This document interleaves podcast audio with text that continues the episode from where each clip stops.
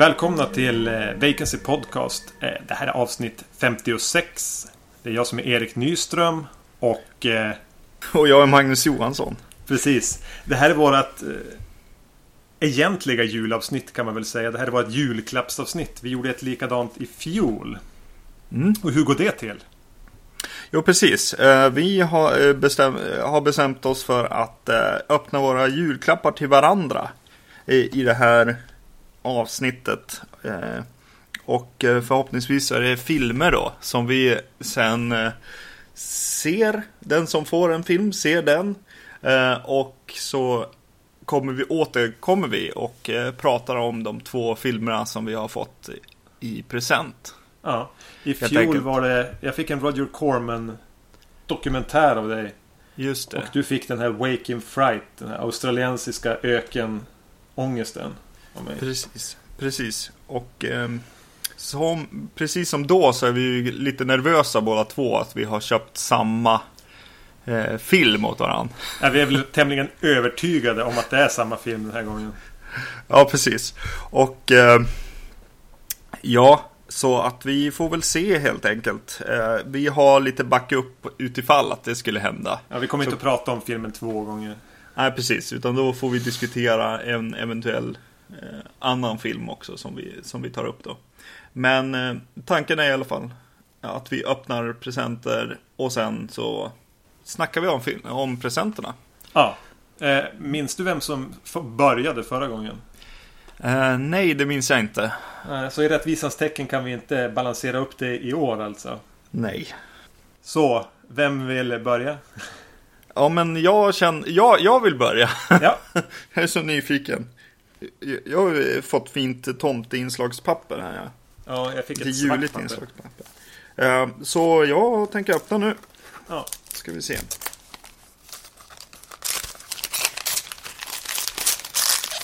Åh! Oh. jag har fått uh, Tix av Erik. Uh, en uh, skräckis om fästingar. Ja. Från vår barndom kan man väl säga. Ja, precis. Den här har vi ju sett eh, tillsammans. Det är ju en kul film. Som jag minns det i alla fall. Och nu, mm. nu får vi se den igen. Jag tolkar din reaktion som att det inte är samma film som är i det här paketet alltså. Just det, döljer det så mycket. så dåligt. Nej men... Eh... Nej, vi får väl se då. ja, om det är tics det här också. Ja. Håller paketet lite avsiktligt nära micken så det ska bli så här mysiga prasselljud när jag öppnar det här svarta paketet.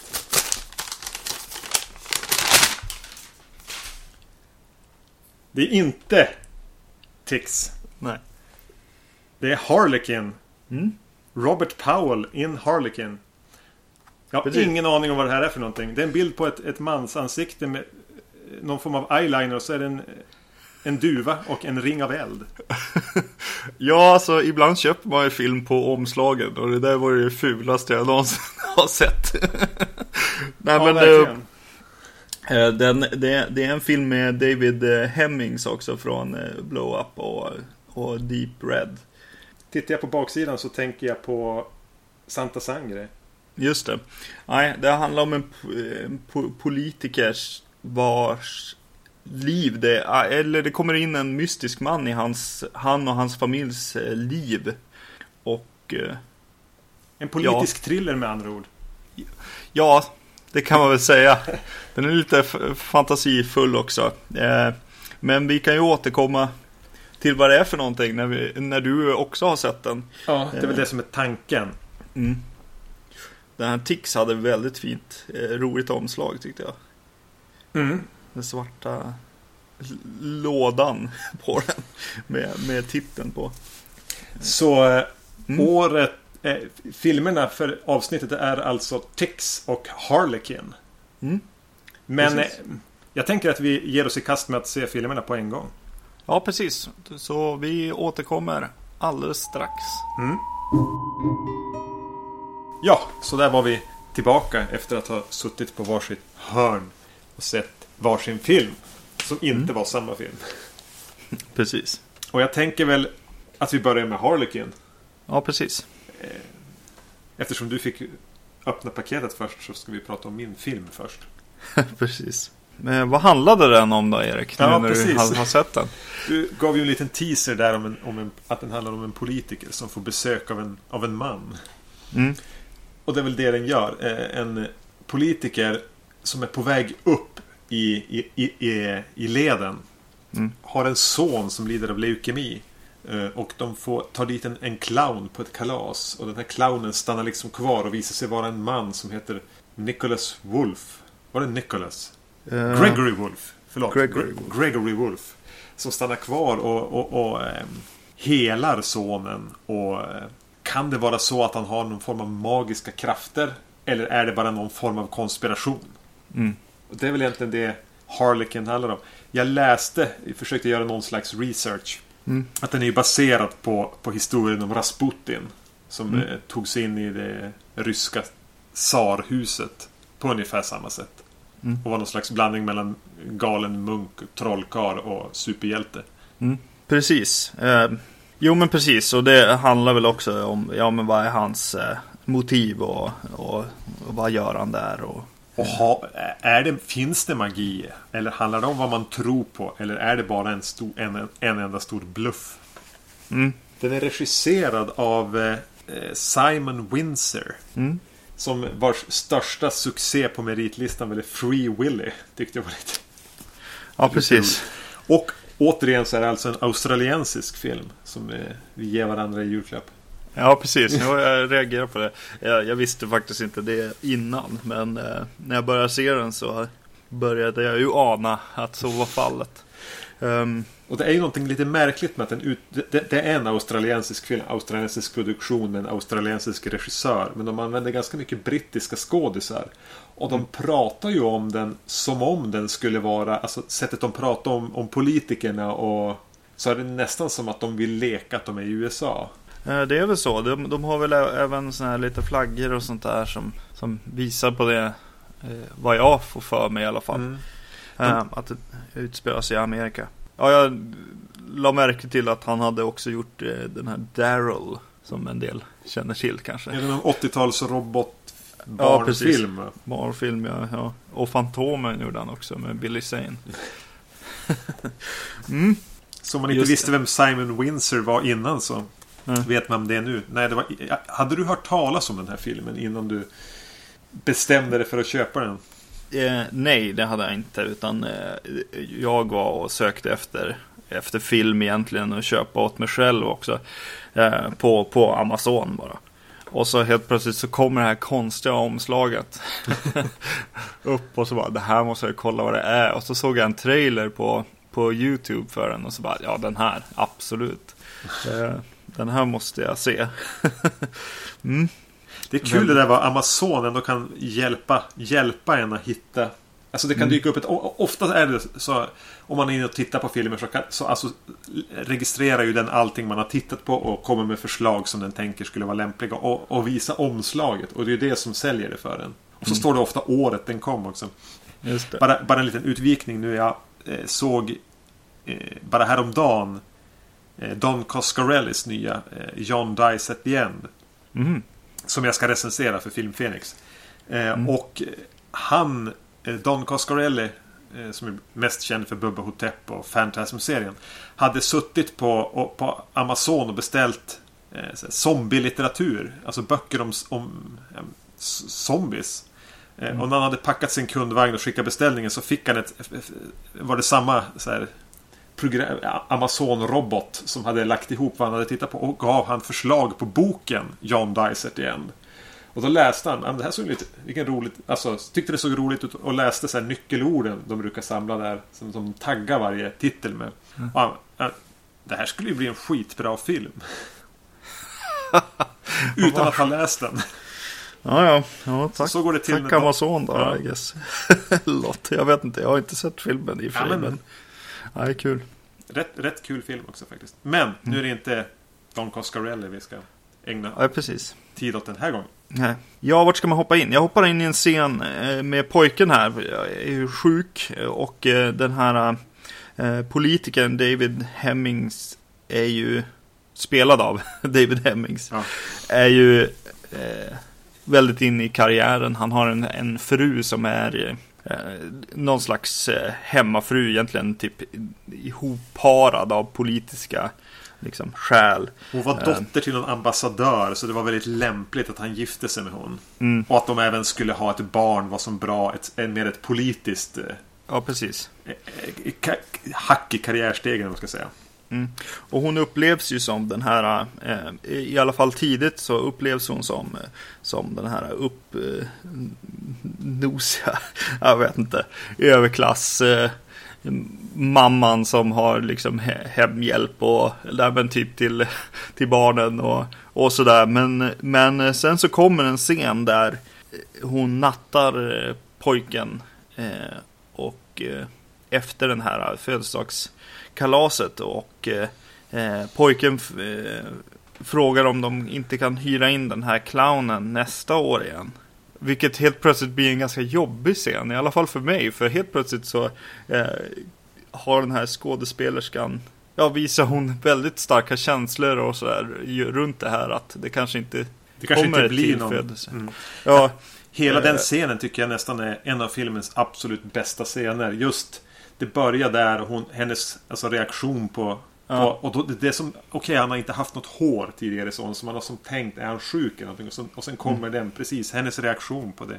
Nu, nu avbryter jag dig brutalt här och sen fortsätter den liksom med att han Han börjar blöda ur munnen också när han ska borsta tänderna. Mm. Hela den, den kom verkligen, den blir väldigt mörk och väldigt deppig. Eh, absolut, och eh, och så tror jag också, som, som jag försökte förklara också, att mina, mina förutfattade meningar om henne eh, gör den här scenen mycket bättre också. Den spel, spelar, spelar mig ett spratt på, på något sätt. Eh, så jag blir lite förvånad av den. Och så sen då, som du säger, när han börjar blöda i munnen blir det extra jobbigt då. Eh, mot slutet av den. Och just det fungerar ju även barnskådisen i början. Sen blir han han håller inte till längden om du frågar mig. Det är ingen vidare mm. skådis de har som, som sonen. Ja, just det. Eh, tänkte du på honom? Jag, jag, jag tänkte hela tiden bara, oh, vem är det där? Åh, oh, vad känner jag någon? Är det någon? Eh, ja, eh, ja, precis. Jag började tänka, är det någon? Och jag tror han fick mig att tänka på eh, Australien också. En, en, av pusselbitarna till att säga, ja men vänta, vad, vad har jag sett honom i? Eh, och eh, då kollade jag upp det och han är ju med i Mad Max Beyond Thunderdome som ett av en av de här Disney-barnen, höll jag på att säga. Eh, I den filmen. Hade han samma så här ryamatta till hår? Ja, i den hade han ju den här, ja, han är väl den som står ut mest av, av barnen i någon slags pointy, ja, jag vet inte, pilar till hår, jag vet inte. Mm. Men, men han är med där i alla fall. Ja, ja. Jag minns inte han från Beyond Thunder då. Nej. Om jag ska vara ärlig. Just det. Mm. Sen blir det ju den här, för den här mannen då, Gregory Wolf, flyttar ju nästan in där och får en någon slags relation, framförallt till sonen. De, de bondar väldigt mycket. Eh, och även till, till hustrun då, som är den här övergivna troféhustrun som, i det här skenäktenskapet nästan. Mm. Och då kommer det ett, ett, ett ganska ovanligt grepp i en film när de, när de ska fördjupa Gregory Wolf och hustruns relation. Eller kanske då visa att de har en romans också. Mm. Genom ett stillbildsmontage. Ja. Eh, inte ett 80-talsmontage med musik. Ja, det är en musiksnutt men det är stillbilder. I, ibland så har de en split screen med två olika stillbilder. Ibland kommer det inglidande en bild från sidan. Mm. Eh, eh, kändes bara så att de var lata. Okej, okay. jag tyckte det var, var coolt faktiskt att, att just den här, eh, det, de, eh, det som händer just, just innan är att hon eh, vill eh, gå i säng med han Gregory Wolf och eh, de eh, bestämmer sig för, väl för att gå upp för, för trappen till, till sängkammaren. Och just när de ska börja gå upp för trappen så kommer det här collaget av eh, riktiga så här, familjeidyllsfoton med, med han som pappafiguren i, i det här, eh, i de här ja, jättesöta, översöta så här, familjefotona. Eh, jag vet inte, jag tyckte det, det, det, var, det var kul på ett sätt. Kanske inte... Ja, jag blev så tagen på sängen. Alltså, jag tyckte det kändes så, jaha, helt plötsligt ska vi få ett sånt här.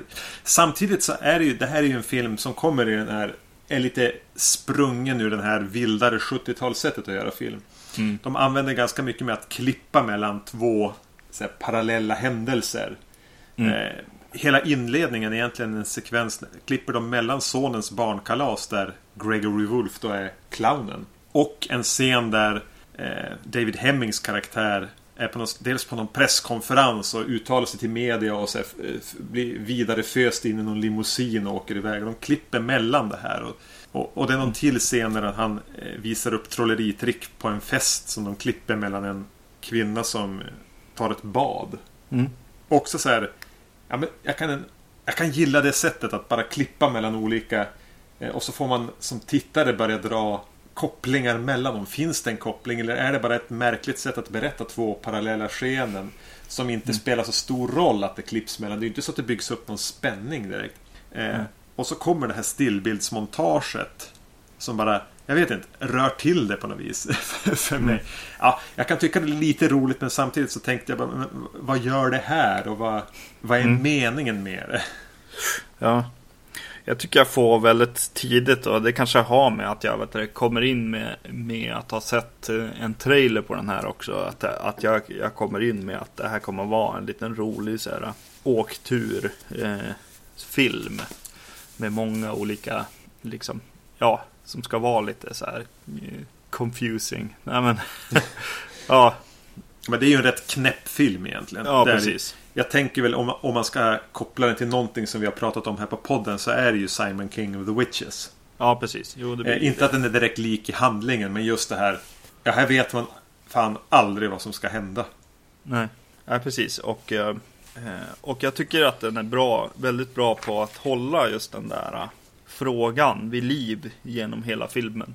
Så att jag inte riktigt eh, tappar bort intresset egentligen. Utan jag, jag, får sitta och fundera på saker eller liksom småle åt knasigheter eller liksom och så. Eh, det är inte Ja, nej men de ställer konstant frågan om så här, ja men vem är han? Vem är den här mannen? Är, är, är magi på riktigt eller inte? Och och, och, eh, ja, och så kommer det till lager på egentligen också om, om vem, vem kan man lita på, vem ska man tro på, och vad, vad är äkta och vad är falskt och, och vem ljuger och så vidare. Mm. Och, jag, jag ja. tyckte om det faktiskt. Det, det, som höll mig intresserad av den här filmen var inte så mycket det här Är det magi eller är det en, är det en konspiration? Utan det var just det här att Jag vet aldrig vad nästa scen ska vara. Nej. Det här är inte stöpt i någon formula utan det kan mm. vara precis vad som helst. Och, och, och det Gregory Wolfs trolleritrick kan vara, men han klyver typ en duva med en symbol. I ena stunden och, och, och bota tandverk genom att dra ut tandverket verken som är orange. Eller en dålig tand eller vad det är. Ja. Genom kroppen ner genom och det svåra är att få den förbi armbågen. Alltså det, ja, precis. Det är så här... Och, det, och det är en, de, de refererar till det som en färg, men, men vi ser den som en liten klump under huden som dras liksom. Uh, mm. Så det är just det där helt oförutsägbara som fångar mig mer än, mer än något mysterie. Ja, ja, ja. Om inte det hade varit så, så här knäpp film så hade ju mysteriet i sig inte ha varit av intresse. Men jag tror dock att, att kombinationen av de två eh, gör en gör en gott, mm. helt enkelt, eh, filmen. Och man blir ju aldrig riktigt klok på vad det är Gregory Wolf vill och vad är han ute efter och varför. Okej, okay, han, han botar sonen men han verkar... Han har ju samtidigt en någon form av dold agenda, kanske. Och så kan han i ena stunden nästan förföra hustrun här då. För att i nästa scen stå iförd någon slags här, Thomas Di Leva-kaftan och hålla sonen utför ett stup för att Mm. testa hans tro på ja, någonting. Mm. Sånt där man aldrig riktigt, förstår.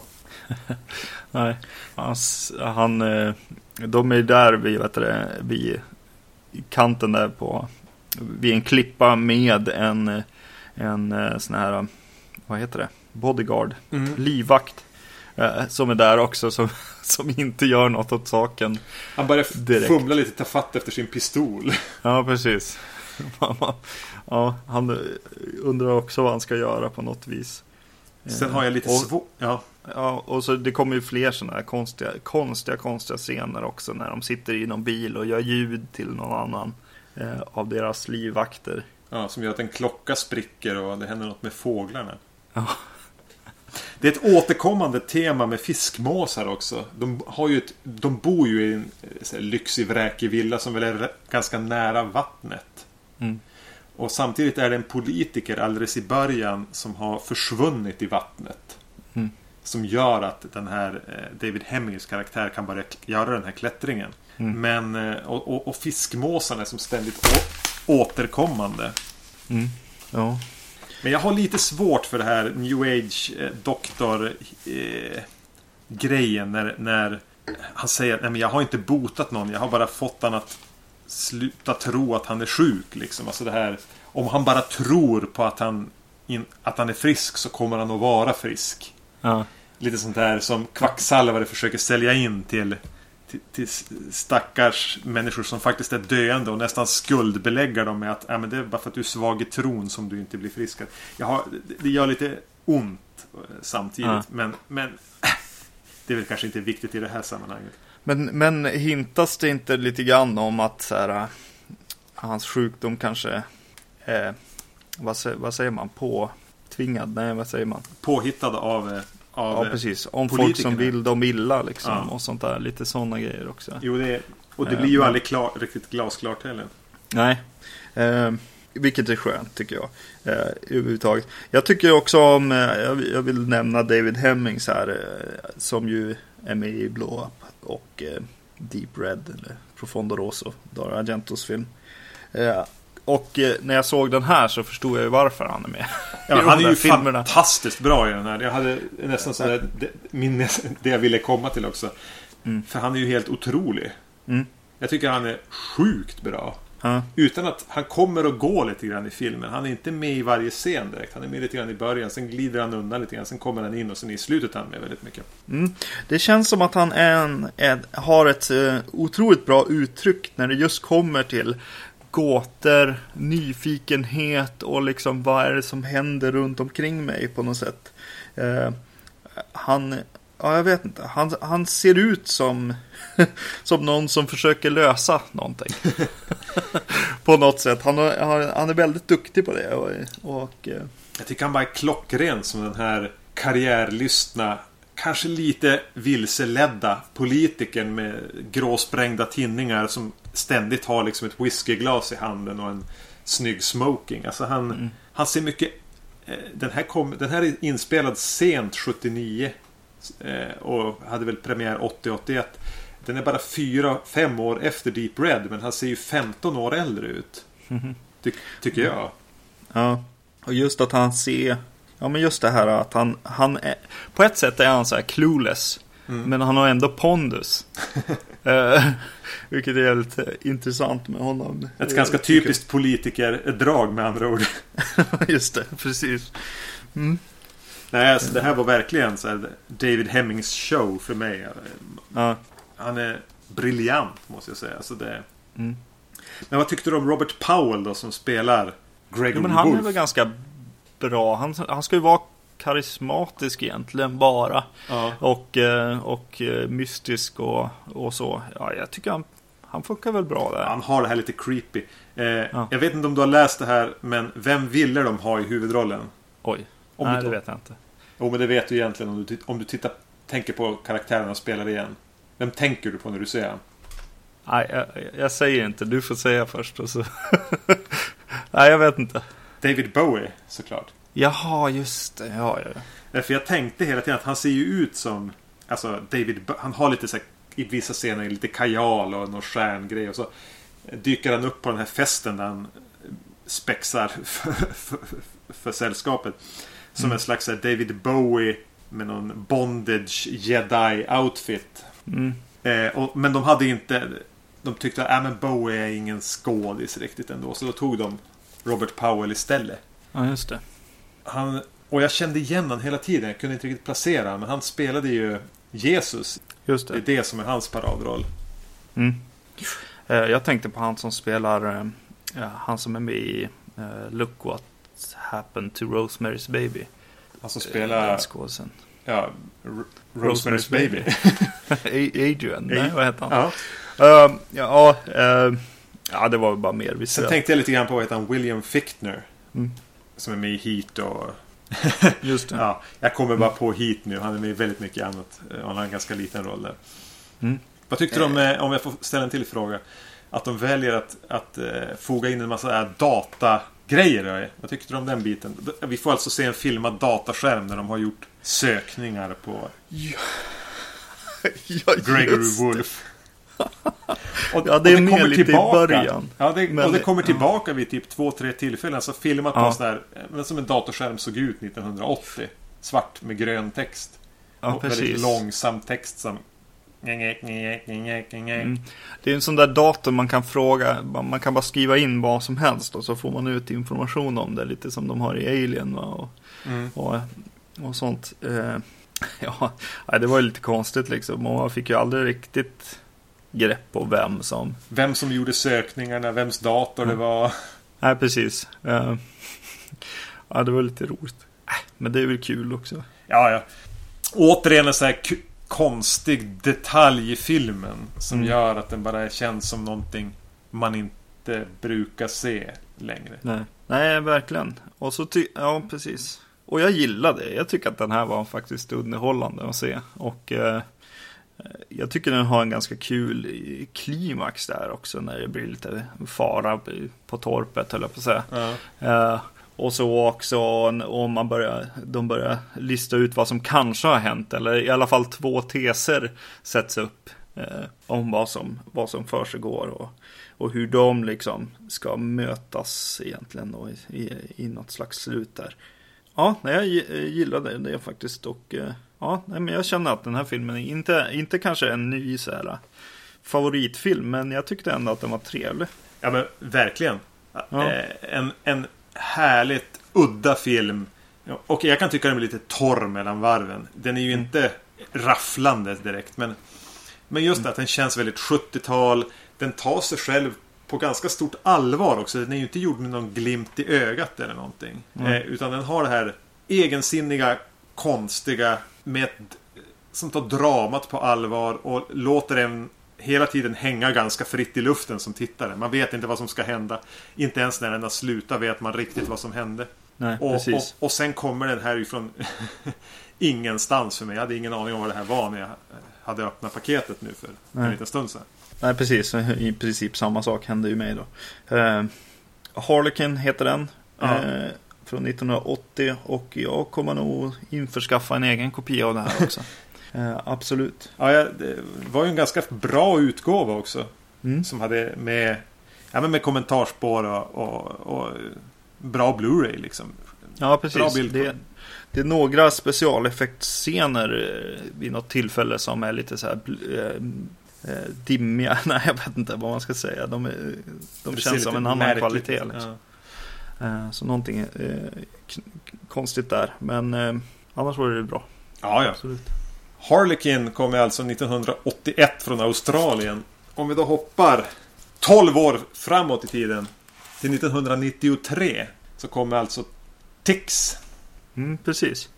Och eh, vi kan väl ge lite kontext till, till Tix. Det var ju alltså en film som vi hyrde någon gång där. Kanske 94-95 när den hade nått VHS-marknaden i Sverige. Mm. Och, och, såg och tyckte då var en ja, men lite rolig skräckfilm. Eh, om, om det enda vi behöver säga är väl egentligen att det är muterade mördarfästingar och ett gäng ungdomar. Ja, precis. Uh, precis, det är ju ett gäng ungdomar som är så här Inner City Kids. Yep. Eh, som eh, har olika problem med, med jag vet inte, familjer och med, med gäng och sånt. Jag vet inte vad de har för problem. Men de måste i alla fall ut i skogen förstås för någon slags hej, lugna ner er, kollo, jag vet inte. Ah, ja. vad, det, vad det var riktigt. Och i ledning. Så, ja. ja, precis. Och där träffar de ju på de här äh, fästingarna som har muterats av, av, någon, eh, av någon anledning som bara Clint Howard kan svara eh, på. Kan svara på vad det var. Nej, men, mm. Den är ju då regisserad av Tony Randall som mm. vars eh, kronjuvel i sin skapelse till film-CV kanske är Hellraiser 2. Mm. Eh, och, och sen har han gjort en del så här, direkt i videoskräck under åt, andra halvan av 80 och 90-talet. Mm. Eh, men det är lite, jag tycker det är lite spännande att den här kommer från det tidiga 90-talet. Alltså i skräckfilmsvakuumet nummer ett nästan. Mm. Då slashervågen hade dött ut. Eh, Jason var död och Freddy var död och ingen hade något intresse egentligen av dem. Och Scream hade inte kommit och, och de här påkostad spökskräck hade inte kommit heller. Så det enda som kom, Tix var liksom det man fick räkna med då. Det var en typ det, det nya stora i hyrhyllan för skräckfilm egentligen. Mm. Lika mycket som något annat. Jag, det slog mig när jag såg den här att det 90 till 95, alltså fram till Scream egentligen, var ju mm. skräckfilmen stendöd. Men det kommer ja. ju fortfarande skräckfilmer. Mm. Och jag känner att det här är ju en era vi borde borra djupare i på Vacancy Podcast. För det var ju, Ex det var ju då ja. vi började hyra film. Ja, precis. Exakt den känslan fick jag också när jag började se den här. Och jag började så här. Fick aldrig riktigt till det i huvudet. Bara, men när är den här gjord? Och vad, vad har inte kommit? Och vad har slutat dyka upp? Och, det kändes otroligt konstigt i tid. I alla fall mot det man liksom brukar se och så här. Så bara, ja men det är ju som en 80-talsfilm men inte, men också en 90-tals liksom. Ja, jag vet inte. Eh, så absolut, det borde vi definitivt eh, göra en liten djupdykning i sen. Mm. Och skådespelarmässigt, om vi, om vi lägger grunden innan vi, innan vi hoppar in i, i handlingen. Mm. Eh, så är jag menar Seth Green spelar väl vad man kan kalla för huvudrollen. Mm, han har sett likadan ut alltid. Så han kan alltid spela 19 år. Han kan förmodligen göra det fortfarande. Ja, just det. Eh, och sen har vi då Alfonso Ribeiro. som mm. är det jag minns från att ha sett den här filmen. Det var att alltså Carlton från Fresh Prince of Bel-Air är mm. med som värsting. Ja. eh, tvärt emot en kar karaktär man verkligen var van att se. Och det var det jag minns att vi reagerade på och hade ganska roligt åt när vi såg den här på När vi hyrde den på VHS. Ja men det var ju otroligt konstigt att se det. Eh, särskilt vid tidpunkten. Att så här, ja men han som så här, dansar lite tokigt och är lite eh, tokrolig i Fresh Prince. Eh. Och verkligen en proper tönt. Med så här plugg, pluggiga killen. Ja. Ja, precis. Och här kommer han i, i, i, liksom rock och hotar någon med kniv och... Och, och det går ju inte att ta på allvar. Ja, precis. Han är ju en riktig sån här... Ja, Gangbanger. Nej, jag vet inte. Mm. Ska vara någon tuffing liksom här. Uh, och det går ju absolut inte att ta på allvar. Framförallt när vi såg den då. Uh, nu har man ju lite mer distans kanske till, uh, Fresh... till serien kände jag lite grann. Eller till Fresh Prince. Ja, är det någonting man har distans till numera i livet så är det väl just Fresh Prince i Bel Air. Precis. oh. Um, Sen Precis. dyker då, som du redan har nämnt, Clint Howard upp. Alltså mm. Ron Howards lillebror, antar jag att det är. Alltså mm. liksom hans... Om vi tänker Twins så är Ron Howard Arnold Schwarzenegger och Clint Howard är Danny DeVito på något vis. Mm. För han känns ja. verkligen som en liten så här, Brad Dourif typ. Ja, han gör ju väldigt mycket eh, sådana här roller. Dyker upp i filmer. om, ja, om inte annat i Ron Howards i egna filmer så brukar han ju dyka upp som någon kuf där också. Och eh, det, det jag har som fastnat med, för jag recenserade Djungelboken för någon månad sedan. Alltså Disneys Djungelboken. Och det är han som gör rösten som Mowgli. I eh, amerikanska. Mhm. Mm -hmm. Okej. Okay. kors i taket. Ja. Eh, och sen är ju då även pappa Howard med. Och Just spelar sheriff. Mm.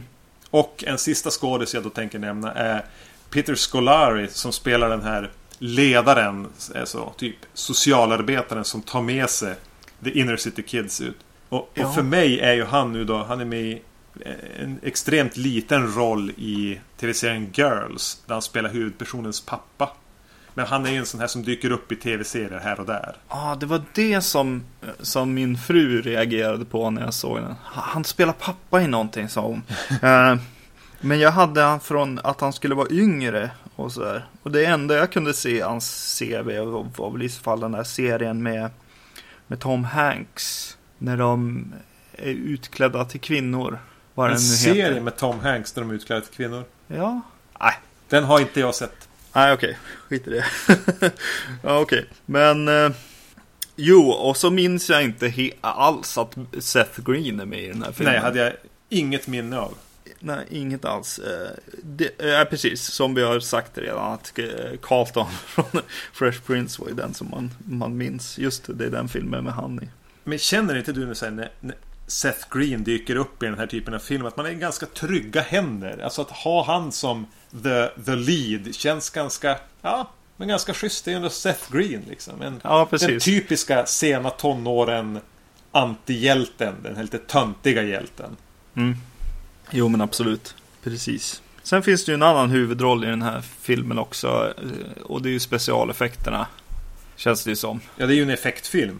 Ja, eh, rakt igenom känns det som. Eh, den, den inleds med någon slags Elm Street eh, inledning med några gamla rostiga maskiner och ånga och, och, och sånt. Och så kommer det någon slime ut ur, ut ur den här maskinen som rinner ner under något hus.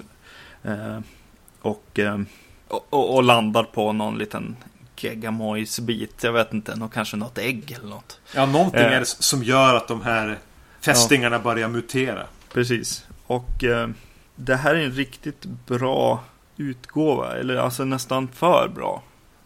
Eh, en del filmer ska ju liksom vara lite svåra att se. se igenom höll jag på att säga. De ska vara lite VHS-känsla på. Den här, den här Blu-rayen eh, som jag fick nu är ju Den slog dig Otroligt med fin, alltså. Ja. Ja, men jag tycker ändå att specialeffekterna för, för i, i mångt och mycket håller ändå.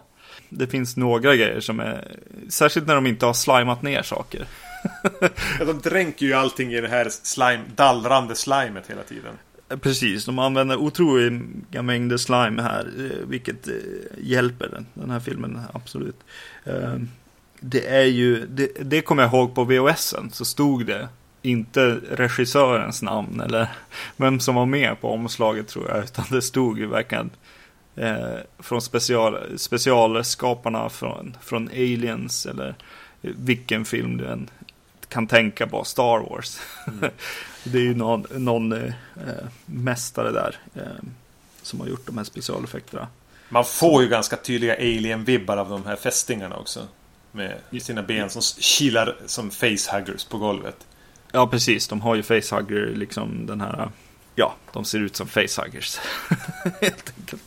Eh, särskilt när de kommer hoppande mot kameran och så. Ja, en specialeffekt eh, speciellt som blev så här, ja men det här var ju lite otäckt liksom. Det var den här hunden som har blivit skadad, som ligger på marken och bara skakar. Ja, den kändes nästan utanför filmen. Det blev nästan för gritty. För hemskt. I alla fall för mig som har så lätt att eh, känna empati med djur i filmer. Ja, precis. Och man bara, vad gör de? Så här, ligger de under marken några stycken och faktiskt bara liksom Skaka Skaka. på en hund. Eller är det en, en byggd hund?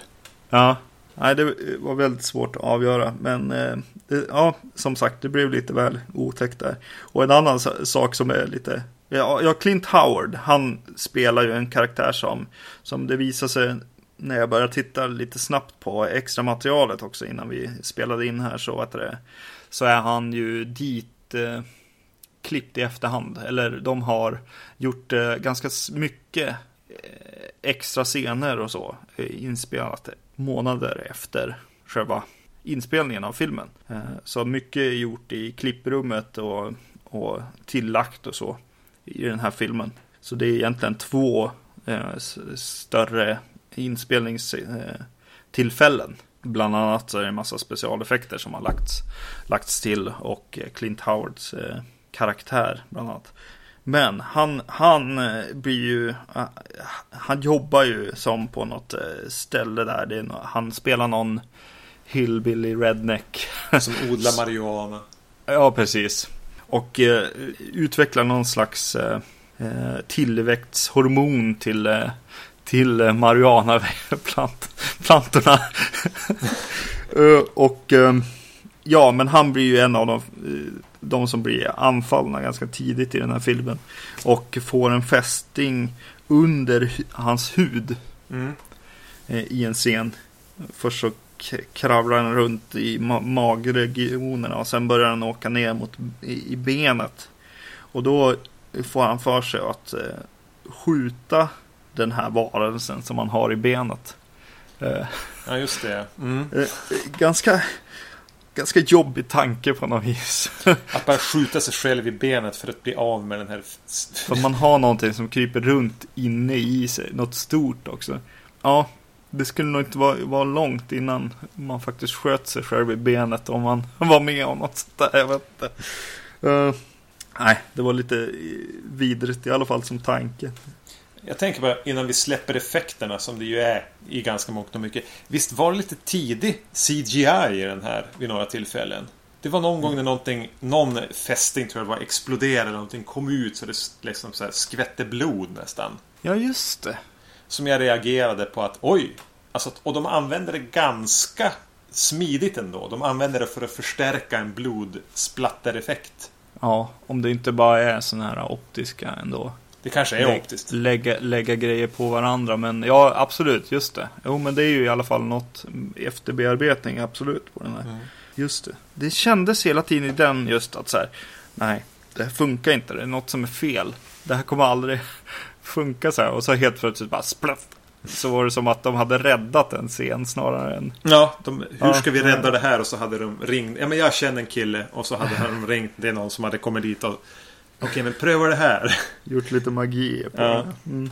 Finns det andra också? Jag eh, eh, alltså, ja, på tal om just det här, va? krypa in i, i folk och så här. Eh, han, Carlton,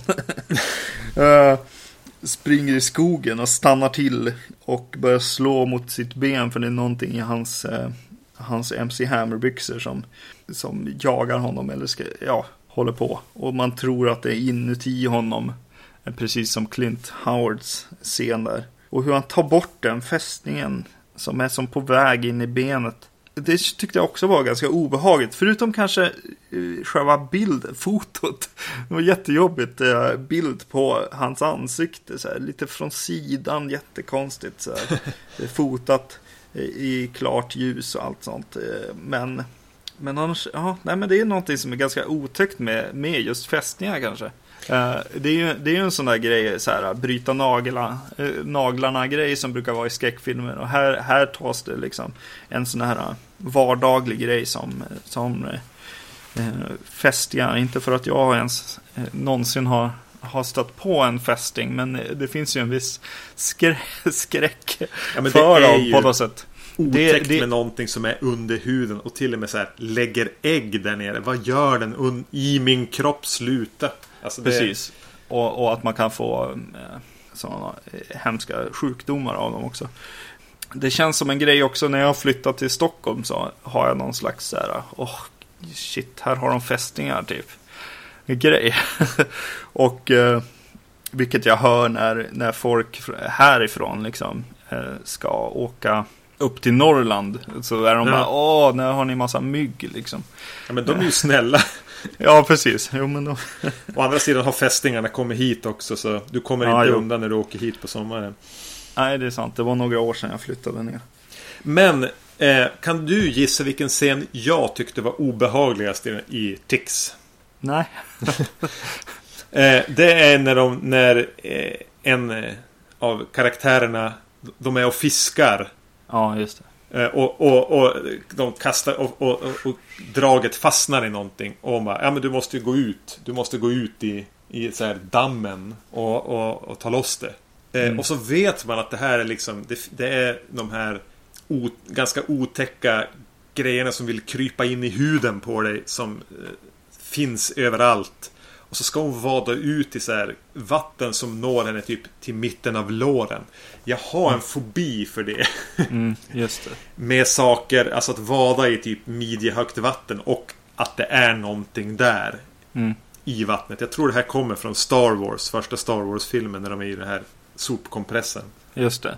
Jo, för det är ju så skitigt vatten och allting. Man ser ju ingenting där. Precis, det är så här grumligt och geggigt vatten. Det är ju inte som en trevlig sandstrand hon vadar ner i. Nej. Nej, det skulle jag faktiskt ha tagit. Nu när du säger det. I övrigt, liksom det jag tänker på med, med Tix nu när jag ser den. Jag har mina minnen av den från förr nästan helt borta. Men att Mm. den är ganska skriven. Alltså att eh, och det här är någon som har det finns någonstans i grunden en författare som har haft en ambition. Sen när du säger det som att hon tittar på extra material att eh, de gjorde reshoots och, och eh, byggde om filmen lite grann. Mm. Kanske har saboterat det men att den, den, den eh, presenterar sina karaktärer. Den har då Seth Greens karaktär som har sitt... Eh, han har en, eh, ett barndomstrauma egentligen kring en som han vill som han har fortfarande konsekvenser av som han vill reda ut och, och som hindrar han i vissa lägen. Och det, det känns som att det är en som har gått efter en så här hur man skriver ett manusbok men att det någonstans har börjat hacka lite grann för dem. Mm. Eh, Och då kollade jag upp, han heter Brent Friedman, eller Bre- Brent V. Friedman, som har skrivit den här. Och som Mm. sen började skriva någon, någon av de här Star Trek-serierna som gick på 90-talet, jag bryr mig inte. Eh, och även Clone Wars. Jag bryr mig inte. Ja, det är bra. Eh, Den här tecknade Clone Wars just Clone. Wars-serien. Just det. Och lite eh, skräckfilm också tidigt då. Men, men verkar ha eh, gått vidare och ja. Och att den slänger in såna här även lite repliker. Eh, Seth Green säger någonting när de kommer in rusande till de här ledarna. Socialarbetaren. Mm. Och, bara, och försöker förklara vad som har hänt. Att de har varit ute i skogen och stött på något av de här slemmiga grejerna som de har flytt ifrån. Mm. Och de bara, äh men sluta nu. Säger bara de här vuxna ledarna. Och då säger mumlar liksom bara, ah, classic tale of adults who don't believe the kids. Alltså den har lite det här försiktig metanivå. Att den är medveten om hela 80-talet i alla fall. Ja, absolut. Nej, men det är, eh, ja, det är lite kul. Jag tycker att den är lite för... Ja, det känns som att den är lite tv. Som du brukar säga. Eh, Lite MacGyver. Ja, precis. Eh, Det är lite för, för, för platt ljussättning och, vet det, och lite för mycket bara ställ kameran och peka den. Och, och lite för mycket när, närbilder i dialoger och sånt där som, som hör, hör tv till mycket. Ja, den är ju inte cineastisk för fem öre. Nej. Eh, kanske tills det kommer till eh, när det kommer till specialeffekter. Och, eh, och till viss del eh, som eh, vilket ju står ut nu då när man vet det. Men Clint Howards scener är ju fotade och ljussatta lite helt annorlunda mot resten av filmen. Eh, det, den har lite mer liksom. Hör den här introsekvensen när, när en kamera liksom undersöker den här maskinen som gör någon slags dopat gödningsmedel som... Ja. Var det också något de filmade då? Eller det kanske inte hade? Ja, jo det var det absolut. För det var liksom det jag noterade. Bara, ja men så här, härlig början. Den känns lite... Kändes nästan lite påkostad. En kamera som gör ganska långa Mm. åkningar längs någon maskin som de uppenbarligen har byggt för att spela in. Mm.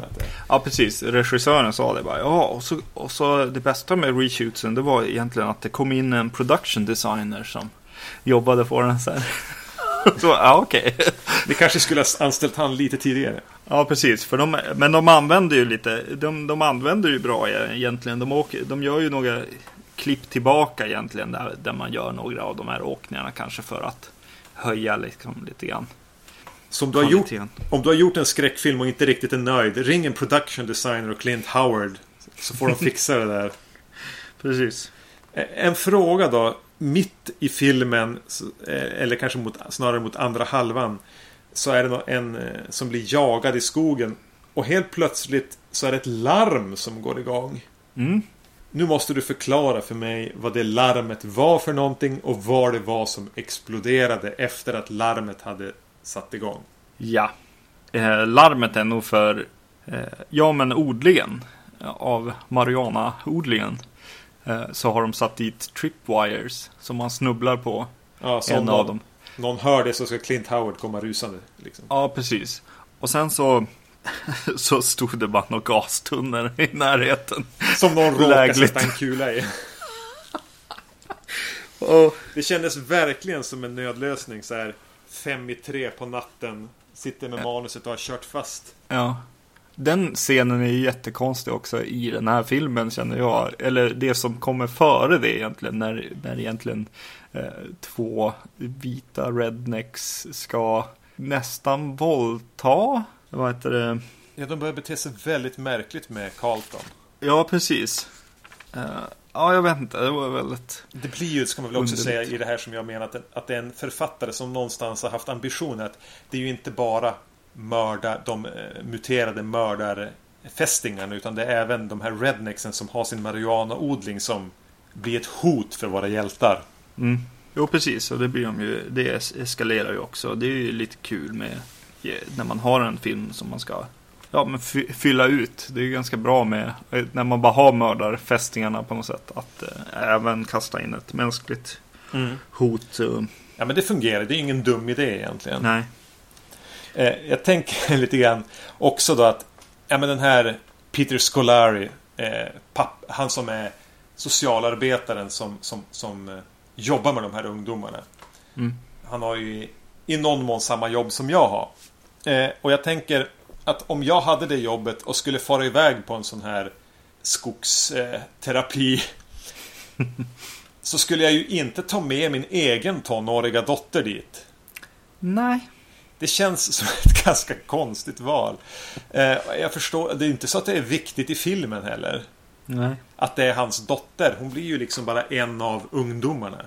Men han har liksom valt att inkludera henne i det här och beblanda henne med de här inner city kids. Ja. Eh, med sina problem. Ja. Trodde du att det var Buffy som dök upp i början?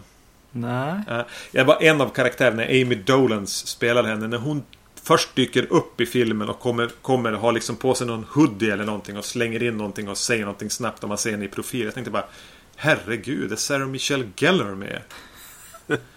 Hon kan inte ha varit gammal här. Ja, nej. Men det var inte hon. Nej. Ja, men då får du förklara en sak för mig också när jag förklarar den här Larmet. larmet som gick. Eh, Seth Green, hoppar han ut ur den här stugan de är i, eh, omringade av, eh, av fästningar. Hoppar han ut ur det, den stugan för att springa till en bil som just har kört in i den stugan. Ja, det är någonting som inte stämmer där va? Ja, det är någonting väldigt, väldigt konstigt. Det har just kört in den, eh, deras van har kört in i, i, i stugan som de är i. Och sen så hoppar han ut och springer en bit till vanen för att hämta den. Så Mm. att alla andra kan komma till säkerhet. Eh, det, jag vet inte. Jag Det kanske stäm- nickade till. Något Och- var konstigt. Och sen har vi just i samband med flykten från stugan så hoppar han återigen ut från, eller han är på väg ut genom ett fönster. Jag tror vi får se han hoppa. Sen sitter han bakom ratten. Det, är så här, det fattas någon, något klipp där. Jag tror de har fått slut pengar eller fått bråttom. Mm. Och det jag även kan känna med, med Tix är att eh, den har Den är väldigt snäll med sina karaktärer. Mm. Det är väldigt många karaktärer egentligen. Om man tänker, ja men här, så här serverar vi eh, kanonmaten för, för de här mördarfästingarna. Mm. Men eh, nu ska, utan att spoila så är det väldigt många som överlever. Mm. Och jag vet inte återigen om, om, om författaren hade en ambition, en ambition när han började skriva den. Och de fick rätta till saker på grund av att de fick slut pengar eller någonting. Eller Mm. fick slut pengar, men de var tvungna att göra ändringar i, under tiden. Mm. För det känns som att när den väl är klar så har det inte riktigt gått ihop. Nej. Men någonstans är den ju kul. Det är kul med, med alltså bara premissen, fästingar på stero, eh, steroids. på något sätt, Tix on steroid, steroid skulle den heta idag tror jag. Efter Snakes on a plane liksom. Eh, det är ju något kul. Och så sen är ju effekterna ganska häftiga kan jag tycka. Och karaktärerna ganska okej okay, liksom. Eh, men, eh, och särskilt tycker jag att en, en häftig grej mer än när man gör lite större kryp liksom som en knytnäve stora eller vad de nu är. Eh, och så har man tänkt att de ska springa över liksom golv och sånt. Mm. Sånt blir ju aldrig, aldrig, aldrig bra. Men jag tycker att när de är i klunga här och, du, och springer längs marken för att fly från någon eld eller uppe på taket. Eh, så ser det riktigt bra ut tycker jag. Mm. Och det är ju väldigt fysiska effekter också. Ja, det är och någonting de... med hur snabb, snabba, eh, snabbt de rör på sig och allting som funkar väldigt bra. De har, det finns någon viss känsla för hur länge de kan visa dem i bild också. Ja, absolut. Jo, det är sant. En del. Och de snubblar och håller på. Hamnar på rygg och sånt. Jag vet inte om de drar dem längs marken eller hur de gör. Men det är lite kul. Um, ja, men jag gill, det, det, jag väl gillar mest med det var en kul, det var som nostalgitripp för, för mig personligen. Då, I och med att det här är en film som man såg när man var 5, 14, 15. Men sen mm. var det just att den här att den existerar i det här vakuumet där den inte direkt hade några filmer att vara en klon av. Nej. Eller vara en del i en våg. Utan den, ja här är en film om muterade fästingar också. Och här har vi Children of the Corn 4. Och här har vi en Candyman 3. Alltså det var sånt som kom då. Som mm. ingen brydde sig om. Och det var lite trevande. Och jag, och den har en väldigt distinkt 93-känsla egentligen. Hur allting ser ut, hur det ser ut, hur det känns. Som, jag, som verkligen födde det här intresset för mig. Att bara, men, vi måste utforska det här, den här eran mer i mm. våran podd. Just för att den är ganska Den är ju inte direkt hyllad inom skräckfilmsgenren. Nej. Så jag, jag, ser, jag, jag, jag djupdyker ju hellre i den än att börja ägna än att vi skulle börja ägna oss åt typ asiatiska skräckfilmsvågen. Ja. Just det. Um, uh, jag blandar ihop mycket den här och Critters tror jag. Serien. De, de, har mycket gemensamt och uh, uh, riktigt i slutet av den här har den ju en liten sån här uppföljare flört. Mm. är inte det precis samma i någon av Critters-filmerna? Ja, och i, i Godzilla från 98 också för den delen med. Ja, just det. Fan, det är exakt samma. oh, ja. Den uppföljaren hade varit lite kul. Det är verkligen en sån. De gör en liten eh, rovdjuret. Ja. Eh, blinkning där på något sätt. Mm. Tix 2. Tix 2 ja. Med, med Seth Green. Han skulle Samma kunna, ålder. Ja, dagen skulle, efter liksom. Dan, han skulle kunna spela den nu. Han har förmodligen samma frisyr. Just det. Ja, han har en riktig 90-talsfrilla där. I den här filmen. Ja, ja. Eh, nej, men det var jättekul att, att, se den här igen. Och eh, Carlton blev ju liksom lite bättre tyckte ja, jag ändå. när han inte var Carlton lika mycket.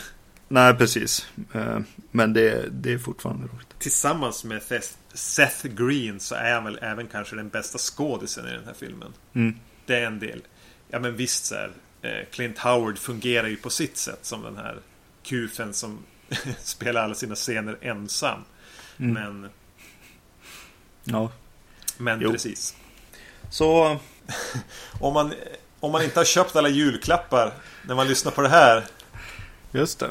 Så kan man ju springa ut och köpa kanske hellre Harlequin än Tix då. Men det beror väl lite grann på vad man gillar. Nej men jag tyckte det var kul att hitta Harlequin.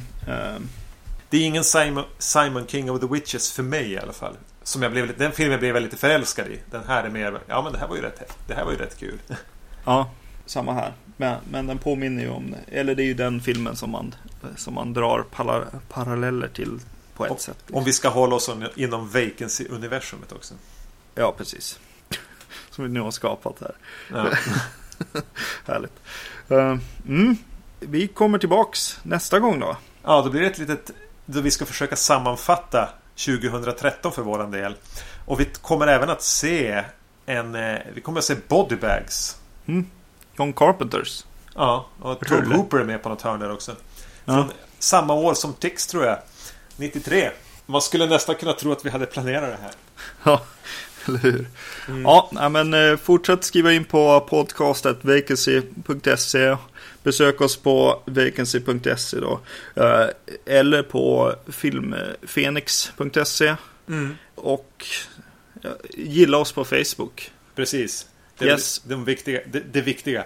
Just det. Eh, Ha det bra. Ja, Eller? sa vi iTunes? Ja, vi finns ju på iTunes. Ja, och ge oss höga betyg där. Yes. Ha det bra. Och god jul. God jul!